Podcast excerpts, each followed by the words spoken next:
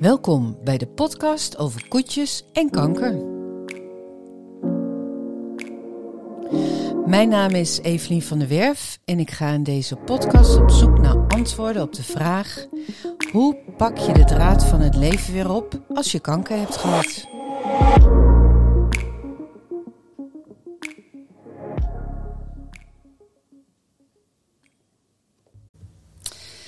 Vandaag zit ik aan tafel bij Stephanie Hamer. Zij heeft in 2019 borstkanker gehad. En ja, ik volg haar eigenlijk op Instagram. En zij, ik had daar ook een oproep gedaan. Ik ken jou verder helemaal niet. Nee. Maar eh, jij reageerde meteen en had zoiets van... nou, ik wil eigenlijk mijn verhaal ook wel vertellen. Dus ben ik ontzettend blij om. Dus welkom. Dankjewel. Hey, om maar meteen met de deur eh, in huis te vallen. Eh, wanneer werd jij gevloerd door borstkanker? Dat gebeurde ehm, in eh, de zomer van 2019. Ik eh, ging eh, ergens eind juni, dus dat is de langste dag van het jaar, midzomernacht. Gingen we met mijn beide dochters kamperen in Voorschoten. Daar was een pop-up camping. En wij gingen, gingen lekker samen met z'n drietjes kamperen. Nou, we hadden de hele middag en avond plezier gemaakt. En die meiden die, eh, die waren niet te slapen te krijgen. Nou, uiteindelijk had ik, ze, had ik ze in de tent.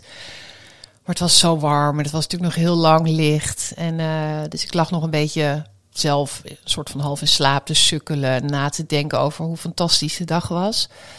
En nou, ik was een beetje aan het voelen. Ik weet, niet hoe, ik weet eigenlijk nog steeds niet hoe ik erbij kwam. Maar ik voelde zo. En in één keer dacht ik, hmm, dat voelt een beetje gek in mijn rechterborst. Ehm, en ik dacht ook gelijk, is dit dan de bekende knobbel waar ze het over hebben? Ehm, en ik voelde duidelijke verharding, maar ik dacht, nou laat ik het morgen even bij mijn man checken. Het zal wel niet. Ehm, nou, zo gezegd, zo gedaan. Ik heb het laten checken door hem. Het voelde voor hem ook vrij nieuw. Hij had het nog niet eerder gevoeld en hij zei, nou, ik zou het ook even laten checken. Nou, dan kom je eigenlijk vrij snel in een traject van huisarts eh, die onderzoekt en zegt, nou, ga maar naar de, eh, eh, de mama care in, in mijn geval in het LUMC. En dat is een snel poli waar ze snel diagnostiek uitoefenen. Dus je komt ochtends heel vroeg binnen, je gaat door de hele molen en eigenlijk aan het begin van de middag hoor je of het goed of fout is. Ehm, nou, de huisarts had al gevoeld, die zei, nou, ik denk niet dat het wat is. Het zal wel een kieste zijn, je bent zo jong. En eh, Je weet, jij was toen... ik was toen 37, ja. Ehm, het komt niet in de familie voor. Dus ehm, het zal wel niks zijn. Maar ja, we moeten het uitsluiten. Nou, eigenlijk in het ziekenhuis ging dat tot drie keer toe ook zo. De medische verpleegkundige zei, eh, ja, ik voel duidelijk wat, maar het zal wel niks zijn. Zelfs bij de mammografie zeiden ze nog, nou, dat, dat kan me niet voorstellen. Er is wel iets te zien, maar... eh, en eigenlijk bij de, eh, bij de röntgen, eh, de, echo, duurde het mij allemaal veel te lang. En ik zag mensen weglopen en weer terugkomen. En ehm, ik had ooit heb ik een borstverkleining gedaan. Dus ik heb veel littekenweefsel zitten. Wat het ook lastig maakte om het te bekijken. Maar de radioloog werd erbij gehaald. En toen dacht ik, dit is niet goed. En eigenlijk, want ik vertelde net eerder... je voelt die knobbel en je denkt, nou, het zal toch niet? Maar diep van binnen voelde ik gelijk, het is foute boel. Ik wist, dit, dit is niet goed. En ehm, nou ja, het was niet goed. Het was een vrij grote tumor van eh 5 centimeter in de rechterborst. En eigenlijk daaromheen eh zat ook alleen maar eh, tumorweefsel. Ehm, en ehm, nou ja, het was al geen beginnend stadium meer. Dat konden ze ook al vertellen. Dus ze hebben toen een, een punctie genomen. En nou, ik ging daar weg. En ze zeiden, ja, we zien wel wat. Maar ze mogen dan natuurlijk nog eigenlijk niks zeggen. Dus ik ben weer weggestuurd. Ik ben thuis nog gaan werken. Eh, overigens deed ik dit allemaal alleen. Omdat ik dacht, ja, we gaan dit klusje wel even klaren. En eh, ik ga even voor een goed, eh, goed nieuwsgesprek naar het ziekenhuis laten checken. Ehm, dus toen kwam ik terug smiddags en ik zag het eigenlijk op het moment dat ik uit de wachtkamer werd gehaald. Ik zag die medisch verpleegkundige door ogen schoten alle kanten op. En nou ja, dan word je de kamer ingeroepen en ze laat gelukkig de bom gelijk vallen. Dus ze zei het is niet goed. Dus geen beginnend stadium. Ehm, het ziet er vrij groot uit. Ehm, dus we moeten aanvullend onderzoek doen, maar het is in ieder geval eh, kwaadaardig. En je hebt borstkanker. En toen was je ook alleen. Ja, was ik ook alleen. Ja. Ja, dat is natuurlijk Hoe voelde je het toen? nou, ik heb het. ik, ik ik heb, ik heb er al een keer iets over geschreven. En dat toen ik jong was, had ik een vriendinnetje en die was verliefd op een jongen. En we gingen op een zaterdag bij hem naar zijn voetbalwedstrijd kijken. We stonden met z'n tweeën langs de zijkant. En in een onbewaakt moment, want ik was helemaal niet naar de jongen het kijken natuurlijk, want we waren daar voor haar, keek ik de andere kant op. En bam, echt keihard die voetbal tegen mijn hoofd. Nou, zo voelde ik me in die wachtkamer weer. Alsof ik een keiharde dreun kreeg. En nou ja, echt, ik, ik hoorde ook niks meer. En nou, dat is natuurlijk ook gelijk uh, de tip die ik aan iedereen mee kan geven. Doe zo'n gesprek nooit alleen. Want zeker als het dus uh, slecht nieuws wordt, dan ja, je hoort het niet meer. Je, je bent volledig van de wereld. Um, wat ik als eerste zei, want ik had vlak daarvoor de halve marathon van Leiden gerend. En ik had heel veel geld opgehaald voor het KWF. Dus mijn eerste zin was, nou, ik heb net heel veel geld opgehaald. dus daar kan ik gelukkig dan nu zelf ook gebruik van maken. En waarom deed je dat toen? Ja, ik wist gewoon niet wat ik moest zeggen. Ik wist, ik wist. Nee, maar ik oh, sorry, de marathon. Ja. Ja, ik, ehm, ik had een half jaar daarvoor had ik een van mijn beste vriendinnen aan borstkanker verloren. En ehm, ja, dat was zo heftig. Ehm, dus ik besloot dat ik voor KWF ehm, meer ja, dingen wilde doen. En, en eh, ik, ik ehm, vond het fijn om hard te lopen. Dus ik dacht, eh, ja, dan moet er ook een doel aan vast. Dus eh, daarom had ik dat gedaan. Toch ook bizar dat je gewoon een half jaar later zelf in de wachtkamer zit. Ja, het is ongelooflijk. Ik had niet kunnen beseffen toen ik in januari 2019 eh, afscheid nam van mijn vriendin, dat ik nog een half jaar later voor dezelfde ziekte, ehm, ja, inderdaad in de wachtkamer zou zitten. En daarna? Nou ja, dan komt eigenlijk de meest, wat ik als erva- eh, ik heb ervaren dat dat de meest eh, vervelende periode was, omdat het de meest onzekere periode is. Eh, er komen weken van onderzoeken, aanvullende onderzoeken. Er werden biopten gedaan, er werden bloedonderzoeken gedaan. je moest terugkomen. Ehm, er was nog even sprake. Ze, dachten dat er misschien uitzaaiingen in de lymfe waren.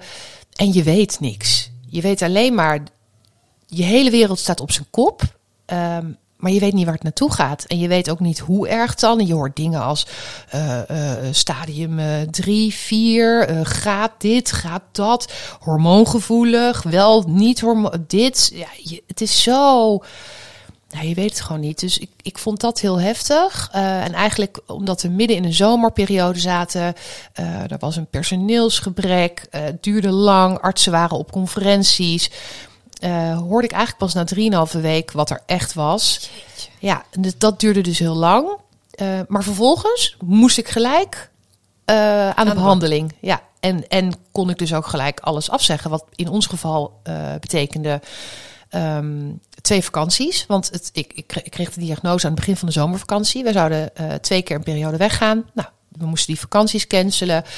Ehm, ik had twee jonge meisjes thuis zitten die ik in één keer niet meer zelf helemaal kon verzorgen. Eh, omdat ik nog jong was en omdat het een vrij agressieve tumor was, moest ik gewoon binnen een paar dagen al aan, aan de chemotherapie. Ehm, dus we zijn eh, nog heel snel even een paar dagen naar Vlieland gegaan. Dat, eh, ja, daar houden we heel veel van. Gaan we vaker heen. En ja, omdat we geen vakantie meer hadden, dachten we, nou, dan doen we dat maar. Ehm, maar dat, dat vond ik dus een hele heftige periode. Ehm, en ja, op een gegeven moment, je, je gaat het gewoon doen. Je wordt gelijk, je, je springt op een trein en daar kom je dus, nou ja, de komende maanden niet meer vanaf. Ehm en je wordt volledig, wordt je leven eigenlijk overgenomen. Ook heel erg door het ziekenhuis. Ik werd ook gelijk gebeld door de assistenten van, nou, ik heb al een brief voor de pruik geschreven en dit en dat. Dat ik dacht, wow, dit, dit gaat zo hard in één keer. Maar wel fijn dat, dat, eh, dat er van alles werd geregeld. Ja, zeker, zeker. Want jij, jij vertelt van, eh, ik zat in een, ineens in een eh, sneltrein. Ja. En maar waar zat jouw omgeving? Je vriendinnen, je, je man, je familie. eh, hoe heb je dat ervaren? Eigenlijk ehm, heb ik het hele proces en nog steeds als heel eenzaam ervaren. Omdat ik ehm, uiteindelijk is de patiënt degene die het, die het doet en die het, die het ervaart. En ehm, je kan nog zoveel vertellen en je kan nog zoveel delen. En natuurlijk neem je mensen mee naar behandelingen. En ik heb echt, ik heb zulke lieve vriendinnen en familie om me heen gehad en nog steeds. Maar het, het is gewoon anders als je het zelf ervaart. En wat ik net vertelde bijvoorbeeld over die vriendin. Pas toen ze er niet meer was en toen ik het zelf had, begreep ik pas eh, waarom ze bepaalde dingen de, jaren daarvoor had gedaan tijdens haar, eh, tijdens haar ziekte. Ehm, en waarom ze soms op bepaalde dingen reageerde zoals ze deed, of juist niet reageerde.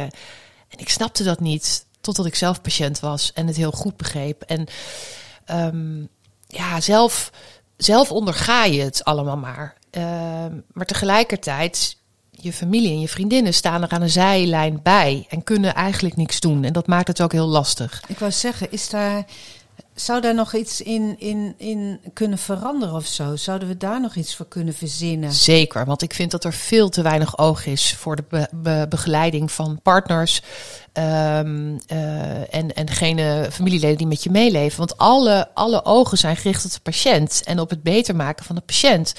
En tuurlijk, daar gaat het ook om. Want hè, in mijn geval, ik had het. Maar ehm, mijn man had het ook heel zwaar en heel samen. moeilijk. Je hebt het echt samen. Ehm, en nog steeds, want ik, ik ervaar elke dag nog de nasleep van de kanker. En daar moet hij ook nog steeds mee dealen. Dus, en, en wie is er voor hem? Want ik kan het niet altijd opbrengen. En zeker toen niet. Ik was ziek van de chemo en eh, ja, ik, was, ik was met mezelf bezig. Dus daar kan zeker eh, nog wat aan gedaan worden. Want je zei, wie, wie is er dan voor hem? Ja. Is hij, eh, kon hij ergens terecht? Nee. Nee. En hij had een super veel eisende baan. Dat heeft hij nog steeds. Maar had ook net een hele mooie stap gemaakt. Ehm, nou ja, hij kon niet minder gaan werken. Dat was gewoon niet, eh, niet bespreekbaar. Ehm, en dat wilde hij zelf ook niet. Ehm, hè, mannen zijn toch dat ze willen laten zien dat ze het kunnen. En eh, gaan gewoon door. En zo is hij ook. En dat siert hem ook. Maar dat is natuurlijk wel heel zwaar. Nou, we hadden twee jonge kinderen. De meisjes waren toen vijf en zes. Nou, het was zomervakantie. eh, dus hè, ga er maar aan staan. En, en nog steeds wat ik zeg, ehm, maar daar hebben we het waarschijnlijk dadelijk ook nog wel over, maar dat ik nog steeds moe ben. Ja, s s'avonds eh doen wij de meisjes en daarna ga ik gelijk naar bed. Ja, en wie is er dan? Hij wil op een gegeven moment ook wel iemand om even mee te praten. En, maar ik heb daar vaak geen fut meer voor. Dus nee, ik heb, ik heb gelijk al gezegd, als ik, als ik dit overleef, en gelukkig heb ik het overleefd, maar dan moet een standbeeld voor die man komen. en eigenlijk voor alle partners. Ja. Ja, echt. Ik, de, ja, de- ja. maar de meeste dan, niet allemaal. nee, oké, de meeste. Nee, want dat is inderdaad wel een onderwerp waar eh, ook best wel, wel een, een soort van taboe op rust. Want hoe ga je als partner of moeders of, of vaders, eh, broers, vriendinnen. ehm, hè, je kan als patiënt daar inderdaad niet voor zorgen, want je hebt, je hebt meer dan genoeg aan jezelf. Ik vond het. Ik, ik, ik weet ook nog wel dat ik het ook lastig vond om het verdriet van mijn omgeving te zien. ja, Ehm, mijn moeder die, eh, die was overbezorgd, wat heel logisch is als je dochter twee keer eh, voor de tweede keer kanker heeft. En als ik haar aan de telefoon had en ik kuchte een keer, dan zei ze: Oh, Celine, eh, wat is er? Heb je, waar, wat heb je? Moet je niet even naar de dokter? En op een gegeven moment hebben we ook afgesproken dat zij haar zorgen bij haar vriendinnen, Ja. met haar vriendinnen zou bespreken. Ja. En niet met mij. nee. Maar goed, ja, en, en daar voelde ik me ook best wel weer schuldig over. Want ik dacht van ja, zij wil natuurlijk ook eh, geruststelling. Ja. En, en, dus het is samengevat een heel, niet alleen een lichamelijk eh, proces, maar het is ook een mentaal zwaar Ja, traject. ja. Heel zwaar. En dan had jij ook nog een jong gezin. Ja, En een man die hard moest werken. ja. Want eh, werkte jij ook eh, op het moment dat jij borstkanker kreeg? Ja, ik eh, werkte 34 uur. Veel. Heel veel. Eigenlijk veel te veel. Ja, nee, ik, ik had zo goed als een fulltime baan. Twee jonge kinderen. Een druk sociaal leven. Een man met een, met een zware baan. Ja, redelijk veel ballen die in de lucht geha- gehouden moesten worden. En dat stopte. Ja, dat stopte. Ja, en ik denk wel, eh, ik heb natuurlijk heel vaak de vergelijking gemaakt eh, met mijn vriendin. eh, omdat dat eigenlijk de enige vergelijking was. In het begin was dat heel lastig, omdat zij het natuurlijk niet had overleefd. Dus dat was mijn enige referentiekader. Dus ik zat die eerste weken ook alleen maar in het ziekenhuis van... ik ga dood, ik ga dood, ik ga dood. Want borstkanker betekent dood. Nou, gelukkig weten we nu dat dat helemaal niet zo hoeft te zijn. Sterker nog, veel meer mensen overleven deze verschrikkelijke ziekte. Maar dat was mijn referentiekader. Dus ik dacht alleen maar, ik ga dood. Ehm, en zo heb ik natuurlijk op heel veel momenten in mijn traject mijn situatie vergeleken met die van haar. Ehm, en zij was alleen. Woonde in Amsterdam. Ze had een ontzettend groot sociaal vangnet om zich heen. Familie, heel veel vriendinnen. Ze hadden enorme appgroepen met iedereen die om de avond voor haar kookte en langskwamen. En dan, nou, zij moest gewoon mensen bedanken om niet mee naar de chemo te gaan, omdat iedereen wel mee wilde. Het was gewoon een feest. eh. Nou ja, het was wel. Iedereen stond. Ja, Dat is fijn. dat is heel fijn. Ehm, en zij kon dus ook als ze thuis kwam van een chemo en ziek was, kon ze dat in haar eentje ondergaan. En dus eh, in haar eentje een week ziek zijn en gewoon op bed leggen en zeggen: Ik ben er niet. Ja, en dat is met een jong gezin wel echt anders. Ja. En ehm, want je kan, je kan niet zeggen: Ik ben even geen moeder. Want dat ben je altijd. Ik, ik hoop wel eens dat ik, dat ik mijn knop uit kan zetten. En dat zeg ik ook wel eens voor de grap tegen, tegen de meisjes. Van nou, mama is er nu even niet. Maar ik ben altijd moeder. En dat was ik ook toen ik ziek was. Ehm, en achteraf ehm, merkten we ook vooral aan de oudste dat zij dat heel moeilijk vond. Dat mama dus af en toe niet bereikbaar was. Want we hadden uitgelegd in de, in de weken na de chemo, vooral de eerste week. Ehm, mama ligt boven op bed, die is misselijk, ze is heel erg moe. Dus dan moet je maar even niet naar mama gaan. En zij heeft het op een gegeven moment ook uitgetekend van mama ligt daar boven in een bed en ik mag die kamer niet in. Ja, dat is natuurlijk voor kinderen heel heftig. Ehm, en ja, kinderen vinden het heel lastig om op die leeftijd al rekening met dingen te houden. Je, je kan niet zeggen, ja, ik ben heel misselijk, ik wil dit nu of dat niet. Ja, laat mama even met rust. Dat is, dat is heel moeilijk. Dat is heel moeilijk. En aan de andere kant wil je er ook, je wil je leven ook zoveel mogelijk door laten gaan en daarvan genieten. Dus ja, dat is lastig. Hey, en, en merkte je op een gegeven moment ook wat aan je oudste dochter dat ze ander gedrag ging Ja. vertonen of zo? Waar merkte Ja. je dat aan? Ja, we merkten dat ze heel boos was. Eh woede aanvallen. Ehm, ze, ze kon heel moeilijk met haar emoties omgaan. Ehm, eigenlijk waar, waar de oudste dus de dingen ging opkroppen en, en eh, het lastig vond om ermee om te gaan, eh, was de jongste had het hart bijna op de tong liggen. Dan, dan was ik met haar onderweg en dan eh, stond ik naast haar en dan zei ze, nou dit is mijn moeder, die heeft dus eh, kanker en die, heeft een die heeft kale haren, wil je het zien? En dan schrok ze nog net niet de, pruik van mijn hoofd. Maar die, die kon daar wel, die zei, ja mama, ik vind, ben echt zo, ik vind het zo stom dat jij, dat, dat mama's borst ziek is. Want zo hadden we het dus verteld. Ik heb een boze knikker in mijn borst en daar hadden we boekjes over. Maar de oudste, ze vond het lastig. En ze was zo boos. Ze was boos dat de vakanties waren afgezegd. Ze was boos dat dat niet doorging. En ze, was heel boos. En ze vond het ehm, ook heel eng. Ze heeft eigenlijk nooit verteld dat ze heel bang was. Heel bang om mij te verliezen. Ehm, en we merkten op een gegeven moment dus op school dat ze ander gedrag begon te vertonen. En toen dacht ik, nou, hier moeten we wel wat mee. Dus toen zijn we naar een kinderpsycholoog in Voorschoten gegaan, die gespecialiseerd is in rouw. Waarvan ik in eerste instantie zei, maar ik ben er nog, we hoeven toch helemaal niet te rouwen. Maar dit is natuurlijk ook wel een soort van rouw. Ja, En, zeker. eh, ja.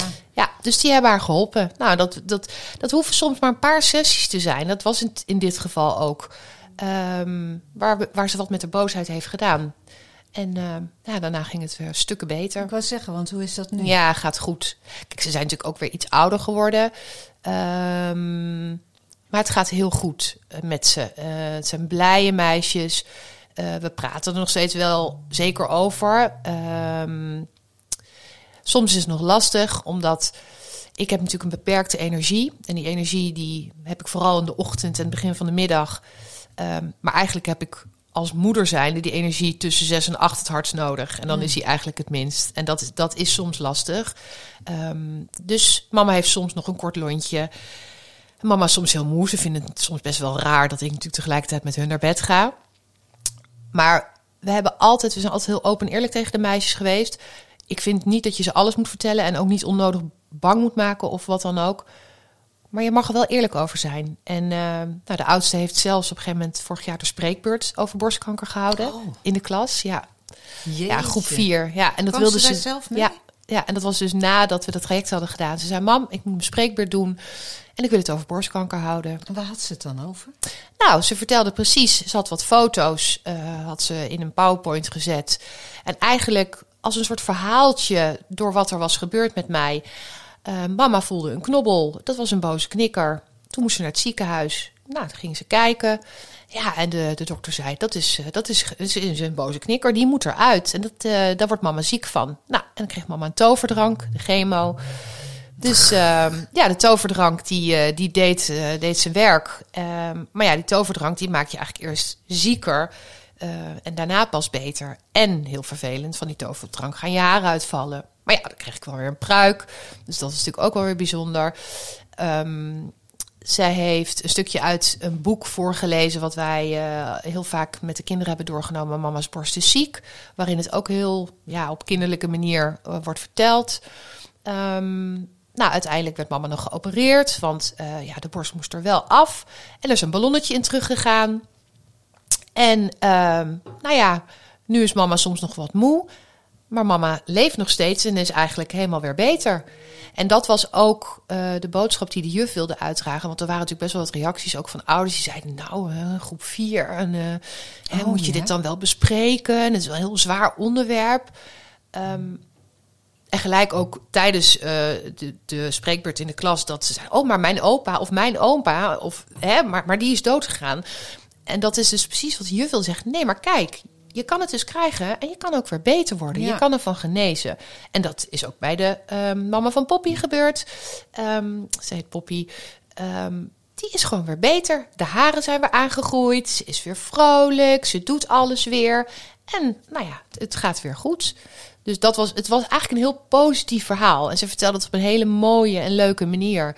Ja, en dat, dat heeft haar ook enorm in de verwerking geholpen. Nou, dat kan me wel voorstellen. Ja, Ja, Zeker. Ja. Hey, want op een gegeven moment, eh, je hebt chemo's gedaan. Ja. En, en daarna, had je daarna nog eh Ja, heb- hormoontherapie of zo? ja, ik heb een half jaar chemotherapie gehad, 16 stuks. Dus daar was ik eh, tegen kerst was ik daarmee klaar. Toen duurde het mij heel lang voordat ik geopereerd werd, omdat ik overgegaan ben van het ene ziekenhuis naar het andere ziekenhuis. Omdat ik toch eh, ehm, nou ja, eh, liever eh, ehm, eh, naar het AVL wilde. Ik zat eerst in het LUMC. Ook omdat ze daar de operatie die ik graag wilde beter konden uitvoeren. Maar daardoor zat er best wel een lange tijd tussen. Nou, die tijd heb ik gebruikt om eh, eh, qua voeding en bewegen helemaal weer op kracht te komen. En om me super goed voor te bereiden op de operatie. En, en, en wat, wat deed je dan als voorbeeld? Nou, ik ging sporten. Ik heb een personal trainer. Nou, die heb ik eigenlijk niet. Die bood zich aan bij mij in de sportschool. Die hoorde van mijn verhaal. Die zei: Weet je wat? Ik ga jou gewoon eh, gratis de komende Zo. zeven weken helpen. Twee keer in de week. Eén keer ga je boksen bij mij, want hij was ook de boksleraar. En de andere twee keer ga ik jou gaan begeleiden. Zowel lichamelijk, maar ook mentaal. Dus hij, hij wilde me ook mentaal voorbereiden op de operatie. Ehm, een stukje doorzetten, positief zijn. Het komt goed. Ehm, ja, en dat was wel heel bijzonder. En dat heeft me echt er doorheen geholpen. Dus ik ging super fit die operatie in. Ook omdat ik heel erg geloofde dat me dat zou helpen in mijn, eh, in mijn herstel. Dus eigenlijk heb ik eh, ja, rond nou, zes, zeven weken of zo eh, drie keer per week gesport. Gezond geleefd, als in ehm, niet drinken, eh, gezond eten, ja, rustig aandoen. Ik was natuurlijk nog herstellende van de chemo, dus dat doe je automatisch. Maar wel bewust, ja, gewoon echt focus op die operatie en je daar klaar voor maken. En wat is voor jou gezond eten? Nou, voldoende groente en fruit, gevarieerd, eh, drie keer per dag met verantwoorde tussendoortjes, niet te veel suiker, eh, niet te veel vette dingen. Nou, eigenlijk gewoon het bekende, Het normale. het zeg normale. Ja, en je maar geen- geen speciale superfoods of eh weet Nee. ik wat. Nou, ik ben altijd al fan geweest van dingen als gember en kurkuma. Die zaten bij mij al in mijn dieet, als je dat zo wil noemen. Ik hou van groentesappen. Dus ik deed denk ik al heel veel gezonde En dingen. dan toch krijg je kanker. Precies. En Ja. dat is ook, want dat is het grappige. Vooral in het begin was ik heel erg bezig met de waarom-vraag. Waarom, Ja, waarom, ja. waarom heb ik kanker gekregen? Ehm, en dat heb ik uiteraard aan mijn oncoloog gevraagd. En zij zei letterlijk: Mevrouw Hamer, ik krijg hier de meest gezonde vrouwen. Echt waar. Pech. yogis die alleen maar hun hele leven... die hebben geen druppel alcohol gedronken. Die hebben nog nooit sigaret aangeraakt. aangeraakt. Ze slapen goed, ze doen alles goed. Kanker is bottenpech. Echt waar. En eh, ja, Het is best wel een opluchting, hè? dat is een hele opluchting. Ja, Ja, ik, heb, ik, eh, ik herken het, want ik had ook heel erg het idee dat het mijn schuld was. Ja. Dat ik iets verkeerd had gedaan. Ik dacht op een gegeven moment, oh, ik heb een keer de boodschappen bij Albert Heijn niet betaald. Daar word ik nu voor gestraft. Zo erg in het begin ging ik redenen zoeken. Van, wa- waarom dan? Waarom heb ik dit Jee, gekregen? Dat is wel heel erg. Ja, precies. maar goed. Oh. Maar, ehm, dus to- to- toen had jij... eh, nou, wat, wat gaaf trouwens dat er zo'n aardig iemand gewoon zegt... De geraakt wordt door jouw verhaal en dan Ja. zegt van... joh, ik kan iets wat jou kan helpen en ik ga je gewoon helpen. Ja, Dat is wel heel erg bijzonder. maar dat vind ik sowieso. Dat is denk ik een van de bijzonderste dingen aan, eh, aan het. Wat ik mee heb gemaakt tijdens mijn kanker, zijn dit soort dingen. Dus mensen die om niet jou willen helpen, Ja, eh, dingen die je aangeboden krijgt, dingen die je mag doen, mensen die je willen helpen. Gewoon omdat ze iets liefs willen doen. En ook echt omdat ze je willen helpen en daar niks voor terug hoeven. Maar ja, ik ben daar echt, ik was daar enorm verbaasd door. En ik wil niet zeggen dat ik was helemaal niet negatief over de, over, over de mens of wat dan ook. Maar er wordt natuurlijk best wel eens negatief gedaan. En mensen zijn egoïstisch en de samenleving verhardt dit en dat. Maar toen dacht ik, nee, zie je, er zijn nog zoveel goede en lieve mensen die om elkaar geven en die dit soort dingen doen voor een ander. ja, Ja, ja, heel bijzonder vond ik dat. ja. Ja. Ah, heel fijn. Ja. Nou, toen was je klaar. Nou, eerst de operatie dus. Operatie. Ja, operatie. Eh, ik zou nog bestraald worden. Dus ik ging eigenlijk tien dagen na de operatie eh, terug voor de uitslag. Want dan krijg je de uitslag van het weefsel, wat er allemaal weggeschaald. En om het bestralingsplan te bespreken. Maar toen kreeg ik de mededeling dat het allemaal zo goed was gegaan. De chemo had zo goed zijn werk gedaan. Alles was weggehaald. Dus verdere behandeling was niet meer noodzakelijk. Behalve dan zeven jaar hormoontherapie. Want ik had een eh, hormoongevoelige eh, tumor. Dus, nou, eh, het was leuk u eh, te hebben gehad, mevrouw Hamer. en we wensen u nog een prettig leven. Dat, dat is raar, hè? Nou, En dan ineens, je, je zit in, er wordt er eigenlijk aan de noodrem Ja. getrokken en je staat weer stil. nou ja, en ik stond buiten en ik dacht, en nu?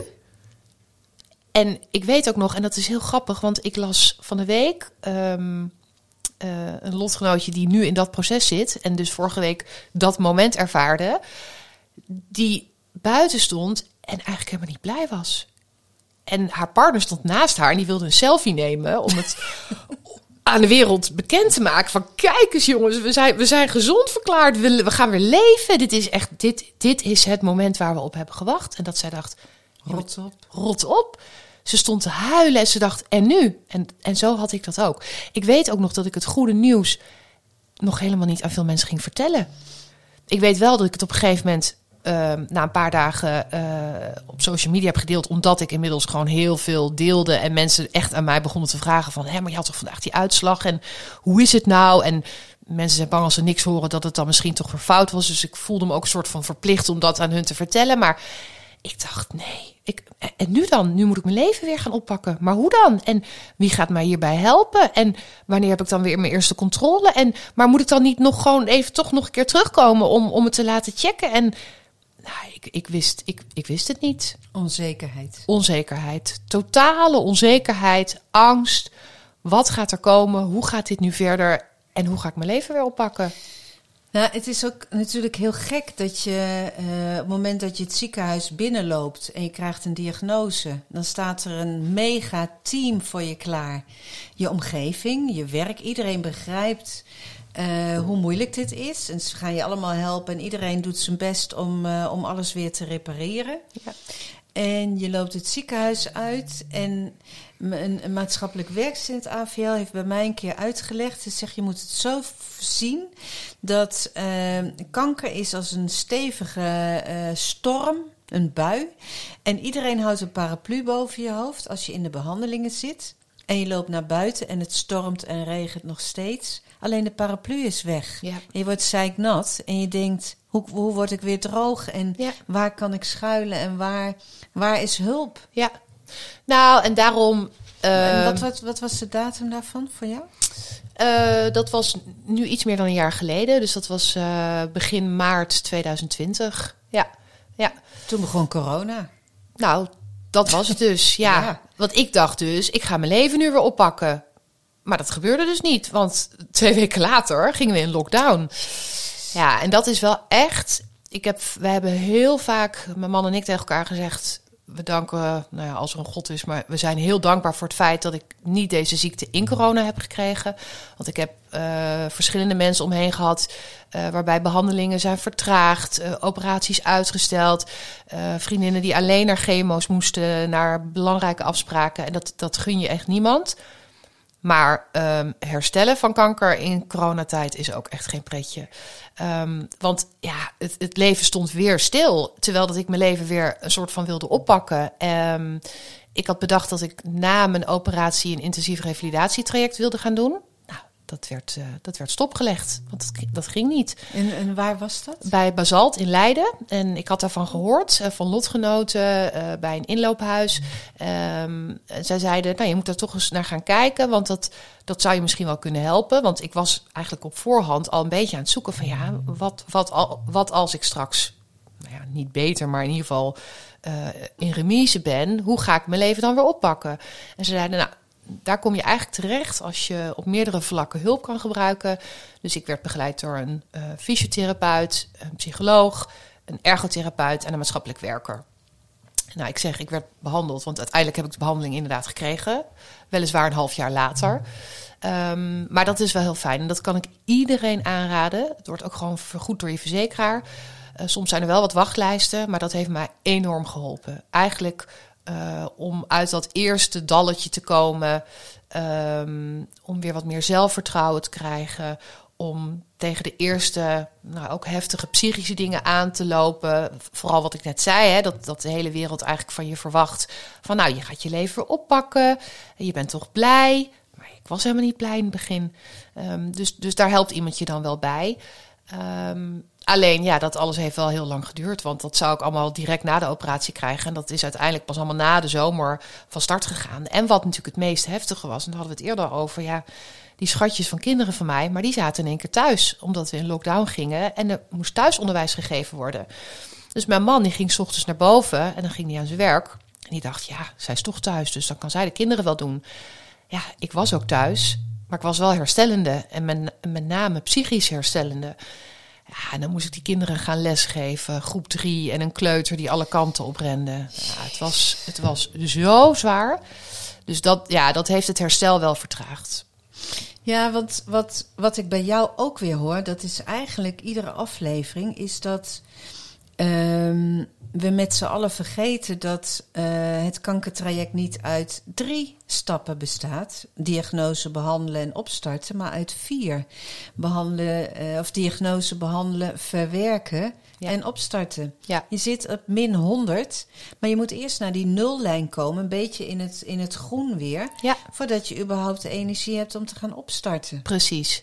En daar heb ik me ook echt in vergist. Wat ik al eerder zei, ik dacht echt, nou, hè, we gaan dit even doen. Uh, dit varkentje wassen we even. Na een jaar pak ik het leven gewoon weer op waar ik ben gebleven. Maar nee, het is precies wat je zegt. Je staat in het rood. Dus je moet eerst weer een beetje bijkomen. Ja, en dat is gewoon heel lastig. Ik heb ook best wel lang de, de, de ja, um, langetermijn effecten van die chemotherapie onderschat. Ik ben gewoon nog steeds moe. Uh, toen ik weer begon met werken, had ik echt cognitieve klachten. Ik, ik kon me niet meer concentreren. Prikkels zijn nog steeds heel lastig. Ik, ben inmiddels al wel weer um, een tijdje aan het werk en ik ben aan het opbouwen. Dus steeds meer voel ik dat ik meer prikkels aan kan. Ik kan me beter concentreren. Maar dat is echt een lange weg. En ik dacht echt, dat, dat gaat wel even, weet je. Je hebt zo weer je energie op peil, maar dat is niet zo. zelfs ik nu na ruim anderhalf jaar nog niet. Nou, ik kan je vertellen, ik weet niet of je het wil horen, maar ik ben vijf jaar verder en ik heb er nog steeds last van. Ja. Dat is natuurlijk per persoon anders en jij bent ja. een stuk jonger, dus dat scheelt denk ik wel. Ja. Maar, um, en wat, wat gewoon ook heel erg lastig is, merk ik nog dagelijks, is dat je uh, denkt, is het nou, want op een gegeven moment kom je ook in de overgang. Uh, dat komt er ook nog aan, dat is ook heel erg leuk. Is het nou overgang? Is het nou een soort uh, restschade inderdaad van wat je hebt meegemaakt? en je wil als mens dingen graag een plekje geven, begrijpen. En op een gegeven moment had ik ook zoiets van, nou ja, wat het ook is, het maakt eigenlijk niks uit. Ik vind het belangrijker hoe zorg ik nu dat ik goed voor mezelf zorg? Want Ja. daar ben je denk ik naar op zoek. Ja, nou ja, dat is wel grappig dat je het zegt. Omdat ik dus een hormoongevoelige borstkanker had, ehm, moest ik dus aan de hormoontherapie. eh, waar ik ook aan ben begonnen, waardoor je dus in de overgang komt. Dus ehm, ik heb inmiddels nou, iets meer dan een jaar eh, erop zitten van wel, niet, hoge dosering, lage dosering, ander merk, geen ander merk. Ja, en op een gegeven moment eh, was het zo erg, de, de overgangsklachten, de opvliegers, ja, dat ik ook thuis heb besproken van ja, is, is dit het wel waard? Want in mijn geval was het dan een paar procent extra overlevingskans. Ehm, ik ben altijd gevoelig geweest voor eh, hormoonschommelingen. En dit hakte bij mij heel hard in. En ehm, nou, mijn dochters hebben best wel een heftig jaar gehad.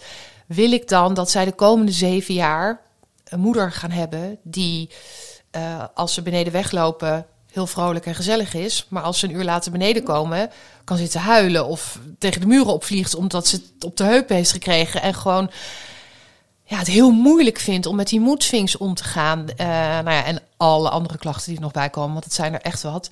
Eh, nou, op dit moment heb ik gekozen om toch voor kwaliteit van leven te gaan, omdat ik het niet waard vind. Maar dat is heel lastig, want elke dag denk ik, ja, moet ik toch, moet ik toch niet weer beginnen? En ik weet dat mijn artsen ja, mij liever wel het zien slikken dan niet. Maar het is heel moeilijk. Het is, daar, het is echt heel lastig. Nou ja, ja, ook dat is herkenbaar. Ik heb inderdaad ook eh, na een jaar, eh, heb ik ook over geschreven in mijn eerste boek om te stoppen. Ehm, en ik heb daar ook een heel eh, lang gesprek, nou een aantal gesprekken over gehad met de psycholoog. Want over het feit van, oké, ik kies nu om te stoppen met hormoontherapie. Maar stel nou dat ik over drie jaar weer kanker heb. In mijn geval is dat ook nog best wel een redelijke optie. Ehm, dan wil ik niet met een soort van eh, schuldgevoel of had ik maar idee. Dus ik, heb, ik ben daar op een gegeven moment, zijn we daar uitgekomen, klaar meegekomen, dat ik, dat ik zoiets, oké, dat kan ik dan accepteren, want ik kies voor het nu. Hè? Ik kies Ja. voor nu, voor kwaliteit. Precies. Ja. En mijn vriend zei in die periode ook van je, je, je, je bent een heks aan het worden. Ik herken Ja. niets meer van de oude Evelien in jou. Nee, mijn man heeft precies hetzelfde. Hij zegt nu, ik ben nu iets meer dan, dan nou, ik ben nu twee maanden gestopt. En hij zegt, ik heb gewoon weer een beetje de oude Stefanie terug. En je bent, ehm, ja, je bent gewoon veel stabieler. En eh, Dat is toch ook heel veel waard. nou, dat is voor mij heel veel waard. En ik, ja, ik, ik werd op een gegeven moment gewoon echt heel depressief van. ja. En ik dacht, zeker omdat ik nog zo in dat verwerkingsproces zit, ik kan dit er nu niet bij hebben. Dus ik kies nu voor kwaliteit van leven. En precies wat jij zegt, als ik het nog een keer krijg, oké, dan zei het zo. Ik heb het één keer gedaan. Ik kan het vast nog wel een keer. Maar voor nu kies ik voor dit leven zonder hormoontherapie. Heel goed. Ja. ja. Dat je in, of heel goed, heel goed dat Ja, je die keuze bewust Precies. maakt. Ja. Nou, en dat die keuze er is. Want veel vrouwen weten ook niet dat die keuze er is. Hè? Uiteindelijk ben je zelf de baas. Dus je, je mag die keuze maken. Ja, Ja. ja. zeker. Ja. Ja. Hey, tot slot, Ja, heb jij nog een tip voor de luisteraars? Zeker. Ehm, wat denk ik heel belangrijk is, en, en ik, ik, terwijl ik dit zeg, weet ik dat ik er zelf eigenlijk nog middenin zit. Ehm, maar wat ik als tip wil meegeven, neem de tijd voor dit hele proces. Ehm, nou, ja, maak niet de fout die ik heb gemaakt als in dat je denkt dat het wel snel weer voorbij gaat. Probeer het proces ook niet te versnellen, want hoe meer je de tijd neemt, hoe beter dat op lange termijn zal zijn. Probeer je er ook niet tegen te verzetten. Ehm, ik moet heel vaak denken aan het moment dat ik, eh, dat ik moest gaan bevallen en zo'n leuke zwangerschapscursus deed. En dat de vrouw eh, die ons begeleidde alleen maar zei: Je moet je overgeven en open en ga er niet in tegen verzet. En dat ik dacht: Oké, nou, ik spreek jou nog wel als ik straks eh, in die verloskamer lig. En toch heb ik het onthouden. En ik denk echt, ik, ik gaf me er echt aan over. Ehm, en daardoor is het, is het echt wel beter gegaan. Dus probeer je er niet tegen te verzetten, hoe moeilijk het ook is. Het is zo zwaar af en toe. En, en, en dat weet ik en dat weet iedereen die het heeft meegemaakt. Maar uiteindelijk, het, het, het gaat ook weer over. Het, het is een storm die ook weer gaat liggen. Ehm, en heb vertrouwen, want het komt goed. Echt waar, dat weet ik zeker. Dankjewel.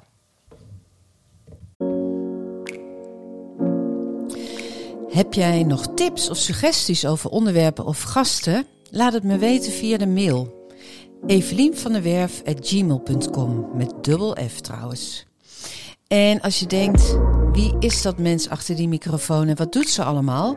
Neem dan eens een kijkje op mijn website www.evelienvanderwerf.info. Trouwens, in het tekstblok onder deze podcast vind je altijd alle informatie over de onderwerpen terug. Bedankt voor het luisteren en tot de volgende aflevering van Over Koetjes en Kanker. Won't you let me be lifeline? Carry with me through the